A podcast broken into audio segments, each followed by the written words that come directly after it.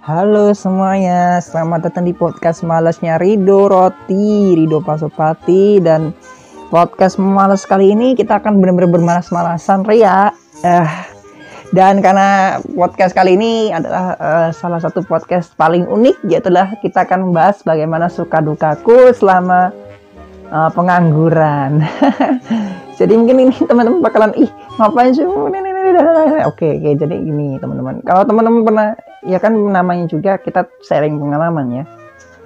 Jadi podcast malas ini enggak nggak harus isinya tentang edukasi atau yang lain kita bikin yang namanya sharing uh, yang namanya sharing hikmah jadi teman-teman dengerin tuh teman-teman dapat hikmahnya dan itu juga lebih pen, lebih bermanfaat daripada teman-teman ngegibah ngogosip julitin apalagi kalau aku ngejeritin nomor satu. Kalau masalah musuh mah. Musuhnya siapa ya?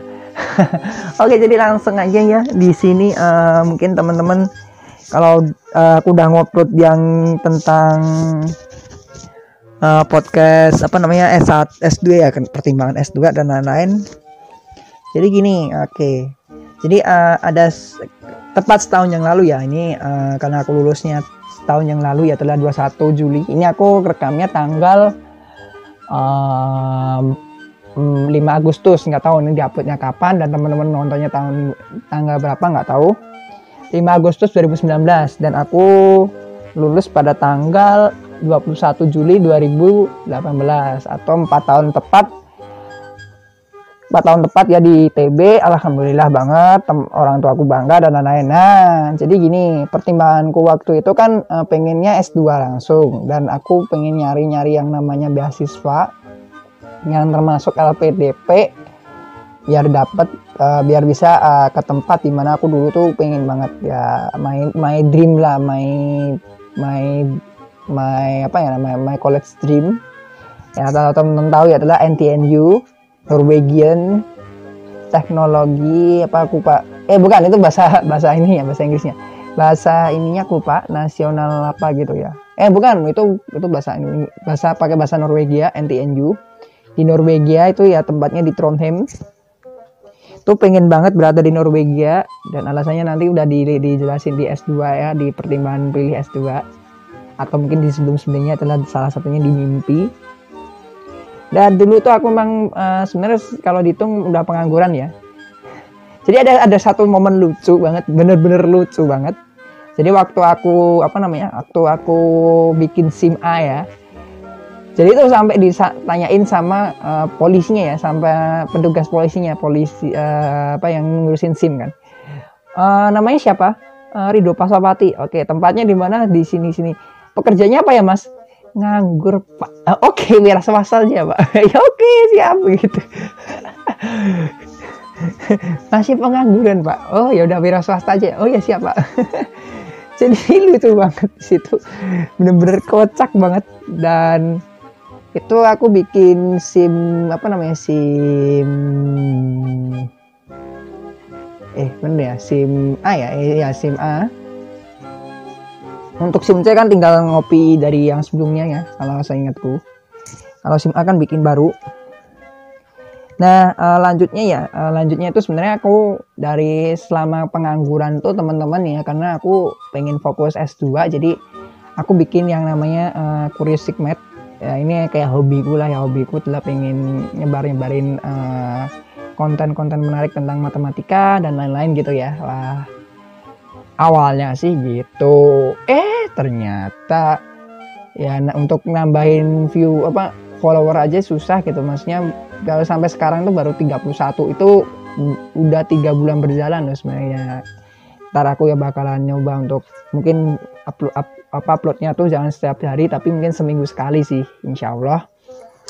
Dan insya Allah memang pengen banget uh, ada yang lainnya gitu. Mungkin dan salah satunya ada podcast Nah ini selama pengangguran tuh isinya cuman nyari konten buat itu dan lain-lain gitu. Terus sama nulis sama ya lah ya kayak gitulah.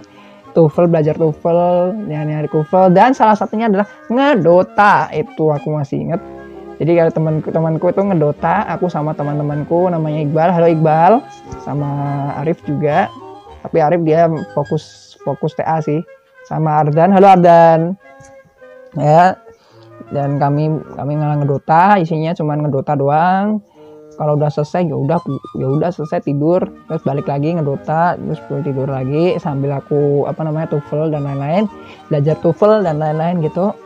Eh tiba-tiba ketika keluar nilai TOEFL-nya set 498 gila ya kurang tiga lagi 500 itu pun kalau misalkan minimal 550 pun nggak nggak keterima eh bukan TOEFL ini sih TOEFL ITP sih. Cuman ya langsung ya langsung down gitu langsung ya udah ntar besok besok aja lah mau belajar TOEFL lagi lah selanjut selanjutnya mungkin kayak gitu sih.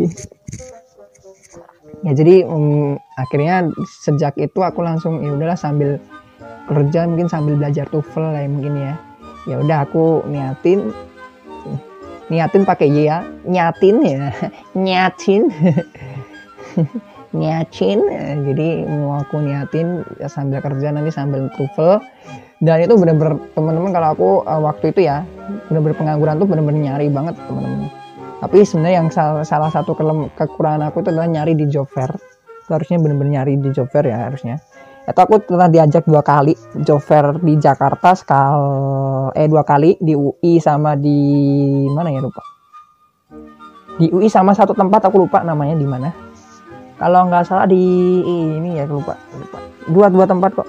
Eh eh satu dua atau satu ya lupa. Yang oh satu dengan satu tempat. Awalnya sih dua tempat mau di IPB juga cuman temanku nggak mau. Dia maunya di UI aja langsung. Oh, udah UI aja. Di UI sama yang uh, satunya lagi tuh uh, pelatihan di Gojek sih sebenarnya di tempat Gojek. Itu adalah salah satunya tentang big data kalau nggak salah ya. Udah lupa udah lama tentang big data mungkin ya dan itu ketemu sama temanku dua orang dan dia tuh nggak tahu sama aku. Temanku maksudnya satu jurusannya dia tuh bener-bener nggak tahu aku tuh ada di mana dan lain-lain. Kayak udah kayak nggak kenal. Kocak. Jadi lanjut aja ya. Oke jadi uh, jadi uh, gitu ya. Jadi di sana ya nganggur tuh kayak gitulah teman-teman uh, banyak apa job fair kalau dulu kan pengen setelah tahu tuvelnya jelek kan pengen langsung kan kerja lah cari uh, ke sono ke sini job fair sini sono sampai bener-bener habis duitku di sana tuh di Bandung. Jadi aku habis pulang apa dari dari di rumah udah. Ini terus kan ada di satu bulan kemudian tuh ada kayak istilahnya kayak uh, sharing sharing uh, dari temen apa dari kakak, kakak tingkat di Jepang. Dan dulu tuh aku pengen banget kuliah di Jepang sama di Norwegia. Cuman ya itulah. Terus kayak mikir-mikir dulu ya terus ada, ada kalau temen-temen tahu di apa namanya di pertimbangan S2 itu eh tahu taunya terus nyari job fair tuh udah sampai di mana titik ya titik di mana aku udah wah udah nggak punya duit lah. Pulang. Itu pun bener pulang ah ya udahlah. Pulang sampai di rumah eh tahu taunya di apa ya namanya aku masih inget jadi itu pulang kalau nggak salah habis. Oh ya pulangnya itu bukan karena ini sih. Belum belum belum bener-bener. Eh ya bener-bener udah bokek. Terus yang kedua orang tua uh, ibuku sedang operasi. Ya masih ingat waktu itu. Ya udah kan aku pulang pulang ke rumah. Ya namanya juga ibunya operasi kan ya pengen banget bisa ngobrol uh, ketemu sama ya namanya juga menjenguk kan ya terus ya habis ya habis apa namanya habis ya itu terus nggak pernah balik ke Bandung. Ya pernah balik ke Bandung itu ya pas uh, wisuda itu wisuda Oktober. Habis itu nggak pernah balik sama sekali sampai uh, wisuda selanjutnya. Beneran serius itu nggak pernah balik sampai wisuda selanjutnya. Dan uh, apa namanya uh, di sana itu apa ya di akhirnya kan ada juga yang oh, istilahnya kayak uh, ngechat aku ya kayak nawarin aku pekerjaan magang itu di Jakarta itu. Ya, oke aku terima oke lah ya nggak apa-apa tiga tiga juta ya harusnya nggak aku harusnya nolak tapi ya udah nggak apa-apa lah tiga juta di sana. Yang penting dapat pengalaman. Alhamdulillah banget bisa dapat pengalaman terus kembali uh, ya udah kan terus akhirnya bekerja mulai bekerja itu Januari sebenarnya kan ya jadi uh, selama udah diterima kan aku bener-bener udah oke okay, udah deal sama si CEO-nya ya si pen, pen, yang nawarin kerja itu udah deal dan bener-bener uh, sebulan. Jadi uh, rentangnya sebulan. Jadi aku tawarinya itu sebenarnya November. Uh, baru ditelepon tanggal 31 November. Eh 31 November 30 November. Aku masih ingat tuh tetanggaku baru pas meninggal juga ada yang meninggal tetanggaku habis ngurusin aku uh, bilang uh, ini aku ada ngur mengurusi uh, tetangga yang sedang meninggal apa sedang meninggal apa kayak istilahnya mau nguburin lah ibaratnya gitu. Terus aku bilang minta jam 2 oke okay, jam 2 ya terus aku yang ngobrol dah dapet oke okay, deal. Deal sama dia uh, aku tapi aku juga deal uh, tanggalnya tanggal 13 Januari. Jadi uh, aku udah dapat pekerjaan tapi tinggal nunggu tanggal 13 Januari lah istilahnya gitu dan selama per, menunggu itu dari tanggal dari Desember ke Januari itu aku sebenarnya nganggurnya ya uh, ngupload video-video terus yang paling benar-benar kagum itu adalah uh, nganterin orang tua ke ke Trenggalek. Yaitu adalah di mana uh, saudaraku menikah. Itu benar-benar ya salah satu uh, momen terpenting juga karena itu pertama kali aku nyetir di kegelapan malam. Di ke, uh, nyetir pertama kali ke Trenggalek dan pulangnya juga. Dan itu pertama kali ya pertama kali. Meskipun yang keduanya adalah di pas berangkat sama pas pulang. Dan tuh yang keselin tuh yang pas berangkat sama pulang itu yang waktu kemarin ya waktu apa namanya? Waktu uh, lebaran kemarin tuh nggak diganti sama sekali tapi emang emang aku niatnya nggak diganti karena kakakku tuh pengennya tuh kakakku yang ganti sebenarnya. Cuman kakakku nggak nggak ada sim ya udah. Dia mau nggak mau ya udah. Gitu. Terus apa lagi ya? Ya udah terus akhirnya kerja ya kerja. Nah ternyata eh, nggak uh, sesuai diharapkan uh, kontraknya dia diputus langsung uh, per Mei Mei minggu kedua eh kalau nggak salah tanggal 15 Mei atau berapa Mei kan. 15 Mei 15 Mei benar-benar diputus kontrak kerjanya. Terus oke okay lah uh, aku masih nganggur lagi untuk nyari kerja. Terus aku masih ingat tanggal 23 itu kan uh, teman-teman kalau tahu kalau itu kan tahun 2019 ya itu adalah tempat di mana kerusuhan tapi dibikin-bikin ya karena politik dan lain-lain lah seperti itulah kerusuhannya dibikin-bikin seperti biasa yang pengen uh, kayak tahun 98 yang kayak eh pokoknya apalah itulah bodo amat lah namanya juga politik. Itu aku udah tahu kayak gitu terus aku pindah ke Bandung. Balik ke Bandung lagi uh, nginep di sana. Eh tahu taunya di kan di apa namanya uh, sebelum sebelum itu kan uh, internet masih lancar saya kan eh tahu taunya tanggal 23 semuanya dibatasin dari Facebook, WA, Twitter, uh, apa lagi ya? Instagram juga, lain juga, lain juga, lain juga. Itu semuanya dibatasin sama sekali dan nggak bisa ngirim apa pun. Eh tahu tapi sebelum se, sejarah itu aku tuh udah nge, nge apply di beberapa perusahaan dan emang nggak dipanggil sama sekali. Dan satu dipanggil ya satu dipanggil tuh uh, ke satu perusahaan di Bintaro. Dan aku sebenarnya udah udah apa namanya udah tes juga dan tesnya tuh sebenarnya awalnya tuh tanggal uh, hari apa namanya satu hari setelah kerusuhan. Ya terus gila aja sih satu hari setelah kerusuhan emang mau. Terus aku bilang eh janganlah tang tanggal itu mbak jangan tanggal segitulah mbak. Uh, tanggal awalnya Jumat kan ya. Terus mbaknya bilang Senin aja mas kayak mungkin dia tahu kalau uh, sedang kondisi, kondisinya sedang nggak stabil. Jadi uh, hari Jumatnya ke sana eh hari apa Seninnya ke sana ke ke Jakarta lagi. Eh tiba-tiba waktu sampai di Jakarta ya eh sorry aku ke sana tuh Sabtu ke Jakarta lagi Sabtu. Terus uh, akhirnya mulai Senin ya Senin pagi itu karena kan masih pu bulan puasa itu kan udahlah langsung ke sana aja sekalian pamit mau pulang sekalian. Karena aku juga udah pamit sama apa namanya kosku uh, jaga kosku juga. Mbak aku mau pulang mau ke Solo tapi nggak jadi pulang. Udah pamit juga ke rekan kerjaku pengen ke Solo tapi nggak jadi pulang. Tapi ke, ke Bandung dulu. Ya tadi bisnis mau mau nyari-nyari kerjaan itu sih. Eh tahu taunya sampai di aku masih inget itu stasiun Jombang. Uh, teman-teman eh sorry itu pasarnya pasar Jombang coy. Sorry deket sorry sorry. Stasiun Sudimara deketnya kan pasar Jombang itu kan ya. Pasar Jombang. Aku masih inget jadi uh, sampai di situ aku sholat duha ketiduran. Eh tahu taunya tuh HP ku bergetar ting ting. Aku telepon kan. Halo siapa? Uh, Mas ini Mas Rido ya? Ya uh, kalau bisa apa namanya uh, Mas Rido posisinya sekarang di mana? Di ini ini ini ditawarin pekerjaan jadi data analis atau data scientist di Solo. Itu kaget loh, oh, langsung ditelepon, Mas Rido hari ini bisa tes ya? Uh, terus aku bilang kan, uh, uh, kalau besok gimana ya Bu? Kalau hari ini tuh saya ada tes juga di sini. Dan mungkin kalau misalkan uh, mau di remote juga nggak apa-apa sih Bu, tapi aku bakal usahain besok ada di, di Solo. Bayangkan karena kan aku tinggalnya di Solo juga kan ya kalau bisa saya usahain besok di Solo benar-benar di Solo.